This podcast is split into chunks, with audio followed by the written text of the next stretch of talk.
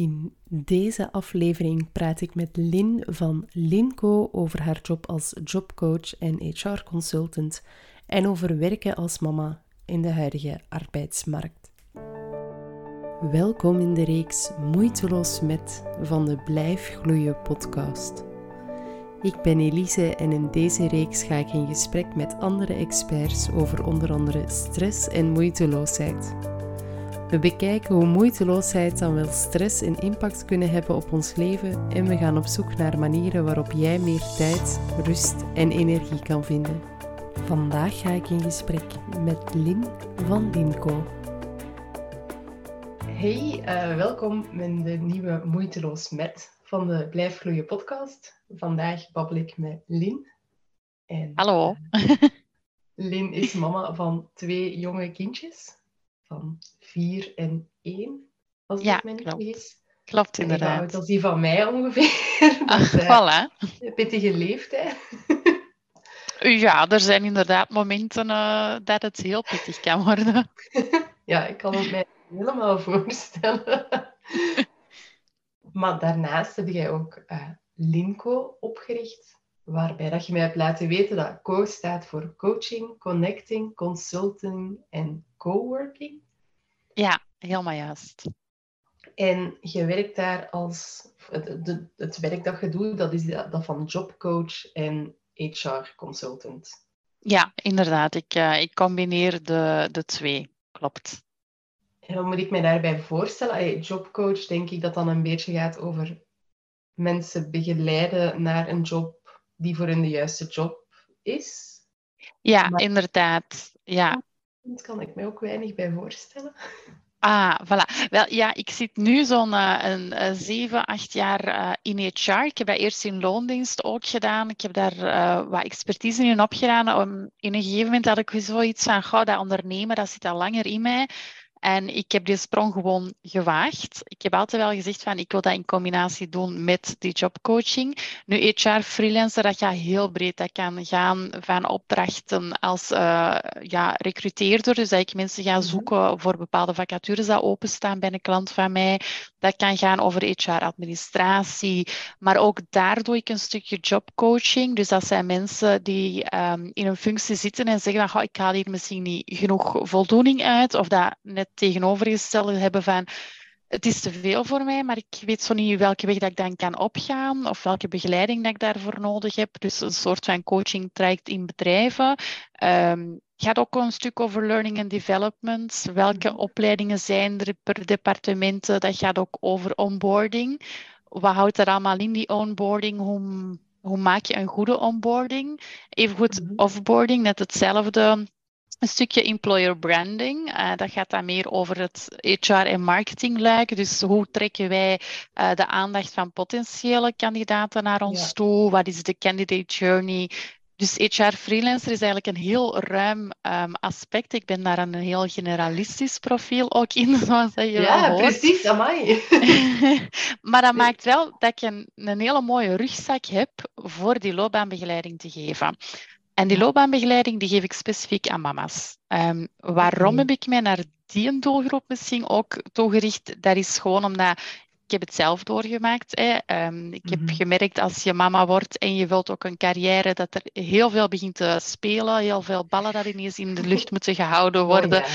Heel veel vragen dat uiteraard naar boven komen. Ja. En dat je jezelf ook even in twijfel zet van... Oké, okay, ik ben mama, maar wat ben ik nog? En je mm -hmm. verliest jezelf daar soms in, in die nieuwe rol van mama. Ja, en hoe en... past die carrière daar dan nog bij? En op welke manier? Want ik, ik merk zelf als mama, mm -hmm. manier van 9 tot 5 werken, of zelfs van 8 tot 5 werken, vijf dagen in de week, dat, dat lukt gewoon. Of nee. dat past gewoon niet als mama. Nee, klopt. Dat, dat is zeker geen gemakkelijke. Hè? Uh, het is heel belangrijk dat we gaan kijken naar die work-life balance. Hoe krijgen we die net terug in evenwicht? Um, want ja, je hebt daar kleine mensen die daar op jou rekenen. Um, ja. Maar er zijn zoveel mogelijkheden dat je kan toepassen. Flexibel werken, thuiswerken. Mm -hmm. um, ja, een stukje zelfstandig worden als je dat ziet. Dus er zijn heel wat ja, richtingen dat je kan uitgaan. Het belangrijkste is, praat daarover. met je werkgever, met je partner en ga dan kijken van wat is voor mij de beste oplossing. Want wat voor jou een goede oplossing gaat zijn, Elise, gaat misschien voor mij niet werken. Iedereen heeft zo zijn eigen ja. planning waar dat hem rekening mee moet gaan houden. Helemaal. Ik vind dat ook wel mooi hè, dat je dat zegt van ja, praat erover. In eerste plaats ook met je werkgever, maar ook met je partner. Want inderdaad, als je hopelijk, dat is de gemakkelijkste weg, hè, ja. je dat ook niet alleen kinderen opvoeden. En dat is meer of minder werken of ander werken of anders werken heeft altijd een impact op heel de gezinssituatie.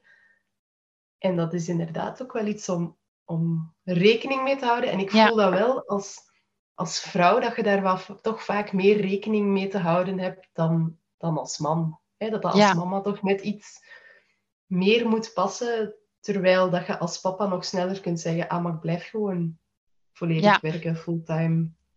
8 tot 5 elke dag.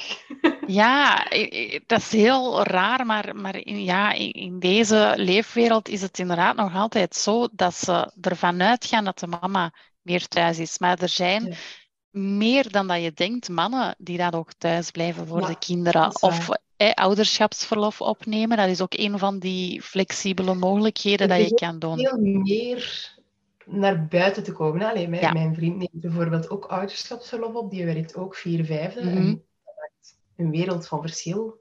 Ja, ik weet, klopt. Toen onze dochter jong was, um, hij werkt maar een bepaald aantal dagen per week. Dus die was soms een dag alleen thuis met onze dochter. En dat was... Allee, er waren papa's die zich dat niet konden voorstellen. Mhm. Dat die een dag alleen met hun kind zouden moeten spenderen als de vrouw werken was. Ik vond dat zo opmerkelijk en zo een meerwaarde dat wij dat toch gehad hebben. Ja, klopt. Zie je ook maar naar het vaderschapsverlof. Hè? Ehm, als mijn zoontje geboren is, was dat nog maar twee weken. Ondertussen is het al vier weken. En uiteindelijk zijn we begonnen met drie dagen vaderschapsverlof. Dus je ziet wel dat in onze cultuur het meer en meer aan bod gaat komen, uh, het flexibel werken. Nu, let op, eh, er zijn ook kanttekeningen. Hè? Als mama de dag thuis werkt, ja, wij doen ook eens de was. Wij doen al eens ja. um, de afwasmachine. Er, er komen nog meer taken bij, wat soms ervoor zorgt dat wij op een thuiswerkdag langer werken omdat we mhm. er zoveel tussen pakken. Nu, het is ook vanuit je eigen perspectief. Ik vind dat zelf helemaal niet erg dat ik zoiets even met een was kan doen, even waar mhm. rondwandelen. Maar ja, als het dan vier uur is bij wijze van spreken, ga ik niet stipt aan vier uur zeggen, oké, ja, ik sluit nu af dan werk ik ook gewoon nog wel af met waar ik bezig ben.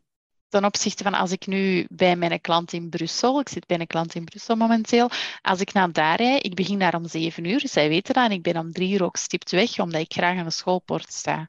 Ja, dat zijn afspraken die gemaakt worden. Dat kan ook zijn dat ik die avond dan nog een meeting mee moet volgen of zo. Het gaat allemaal over uw eigen perspectief. Mhm. Wat voelt voor u goed?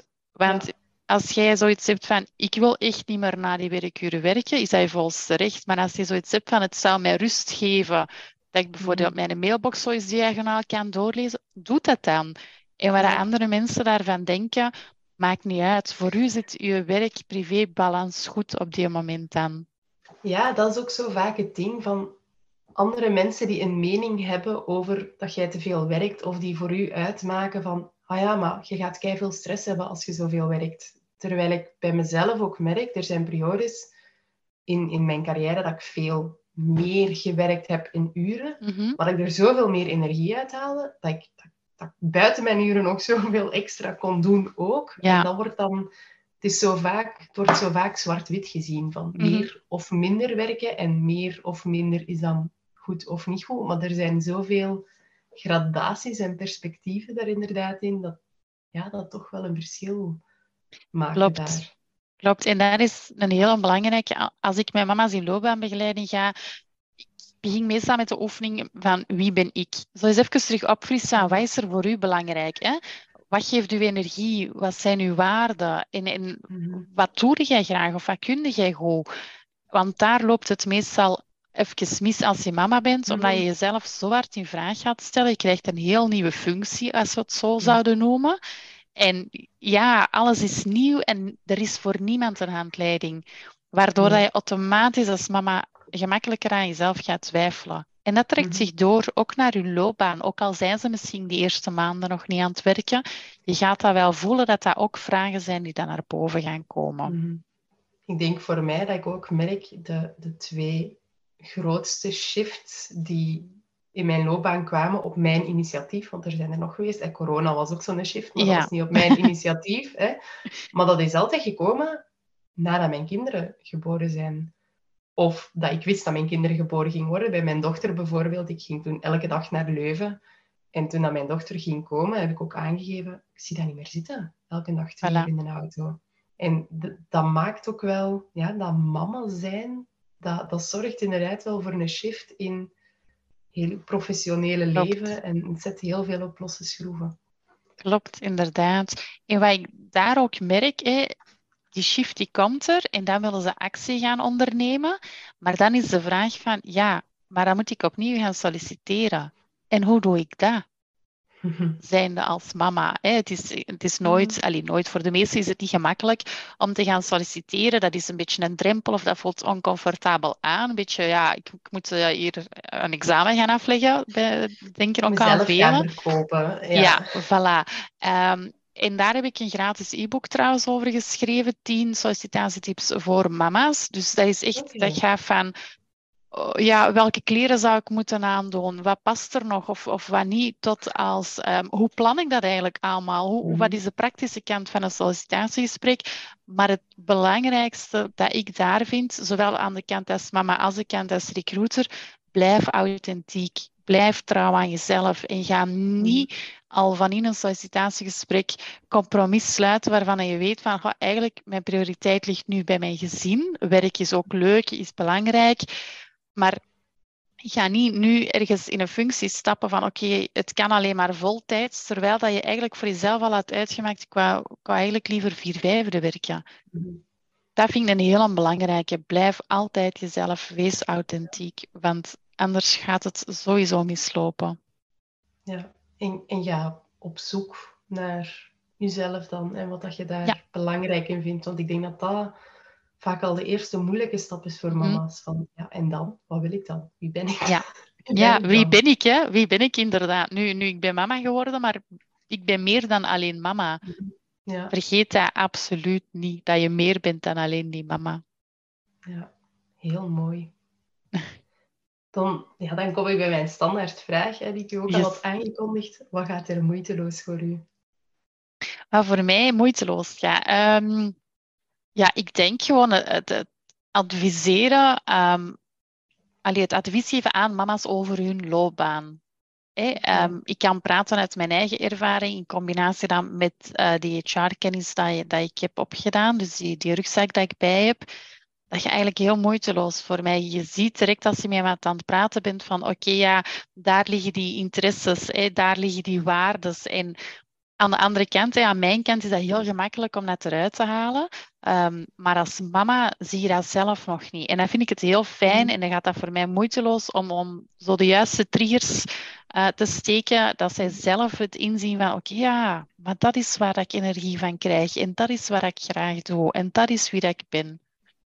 Dus als ik het goed versta, dan ligt die passie ook wel echt bij die jobcoaching. Bij het, Ja, het- absoluut. Ja, empoweren ook wel van mama's. Hè? Want die loopbaan is toch een deel empowerment ook. Mhm. Als jij kunt gaan werken en, sorry, en een job kunt doen die je graag doet, dan, dan ja, zet je, Ja. staat je ook veel meer in je kracht dan wanneer dat je Voilà, niet gaat werken. Of allee, zeker als het geen eigen keuze is om niet te gaan werken. Ja. Of als je een job doet die, die eigenlijk niet past bij je.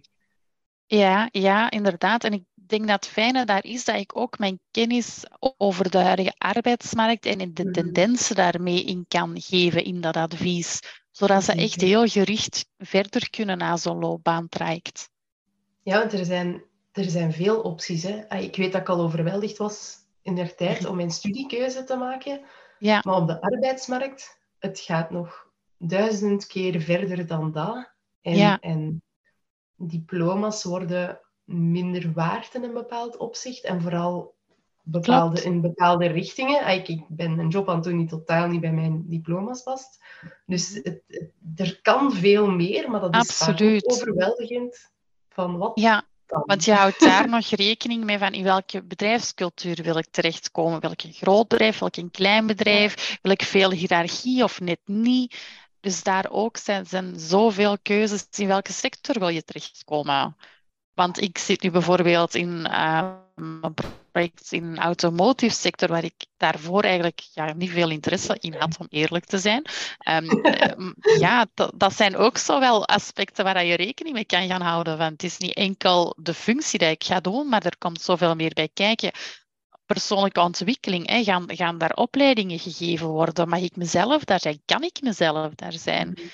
En dat is wel fijn dat ik met die opdrachten van HR Freelancer nog steeds op de arbeidsmarkt blijf zitten, dat ik hier alle tendensen kan blijven opvolgen en dat ik daar ook die kennis mee kan delen met mama's. Je ziet echt de twee kanten dan ook. Hè? Je ziet echt de kant van de mama's die een job gaan zoeken, maar ook van de bedrijven die mensen zoeken om hun jobs ingevuld mm te krijgen, bijvoorbeeld. Ja, Klopt. En het fijne wat ik ook vind, is die mama's komen bij wijze van spreken van overal.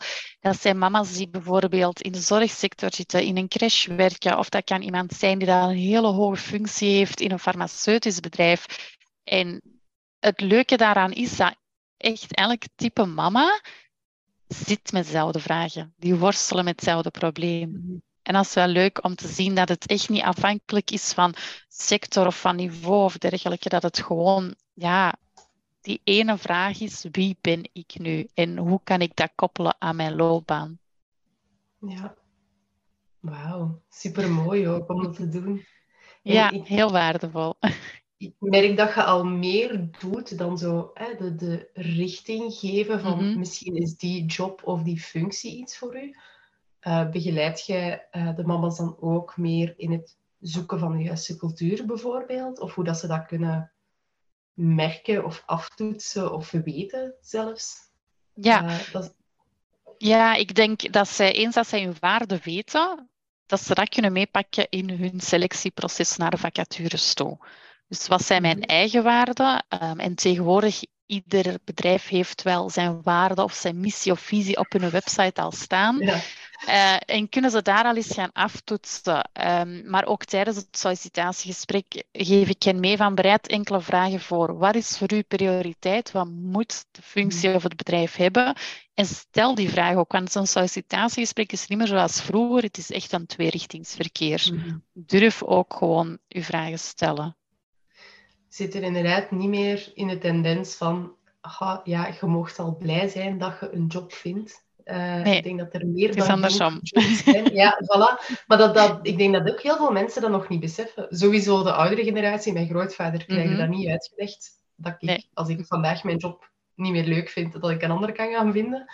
Maar in, het leeft zelfs bij, bij mensen van onze generatie nog. Hè? Mhm. Van, oei, ja, maar ik moet, moet wel zorgen dat ik mijn job hou, want anders. Terwijl er ja, terwijl de nieuwste generatie, om het zo te zeggen, we zijn, we zijn nog helemaal niet oud, Elise, maar we zijn al Nee, maar toch, we zijn al niet meer de jeugd, denk ik. nee, voilà. Maar daar zie je inderdaad ook al, als zij komen solliciteren bij een bedrijf, zij komen hun eisen af. Eh, en mhm. zij zitten daar echt van... Alleen vertelde jij nu maar eens waarom dat ik hier zit. Hè? Het is niet... Bij hun is het echt al zo omgedraaid. Um, Dus daar merk je een heel grote kloof tussen onze generatie en de volgende eigenlijk. En hoe staat je daar dan als, als HR-medewerker tegenover? Vind je dan een, een goede shift? Of heb je eerder zoiets van, wow, mag misschien toch wat minder die eisen? Of, of hoe, um, je daar een ehm, meerwaarde van misschien, van dat ze die eisen hebben? Het, eh, voor mij persoonlijk, omdat ik zelf heel principieel ben, um, vind ik dat een moeilijke. Ik blijf altijd wel screenen op het feit van wat is je persoonlijkheid. Want het kan wel mhm. zijn dat zij van school uit of van, van vrienden, familie uit ergens ja, een ander perspectief hebben gekregen, waardoor dat zij afkomen met hun eisenlijst. Maar eens dat je daarmee in, in conversatie gaat, dat je wel merkt van oké, maar eigenlijk voor hem is dat, of voor haar is dat niet zo belangrijk. Die eisen, het belangrijkste is dat zij die persoonlijke ontwikkeling kunnen hebben, dat zij echt een groeiplan voor hun kunnen zien. En dan vind ik het minder erg. Iemand dat echt wel toont van ik, ben bereid om te werken voor wat ik vraag, is een heel andere mentaliteit als in van ik ben hier en ik weet dat iedereen die dat mijn profiel heeft dat allemaal krijgt, dus ik wil dat ook. Dat vind ik een heel andere mentaliteit. Ja, inderdaad.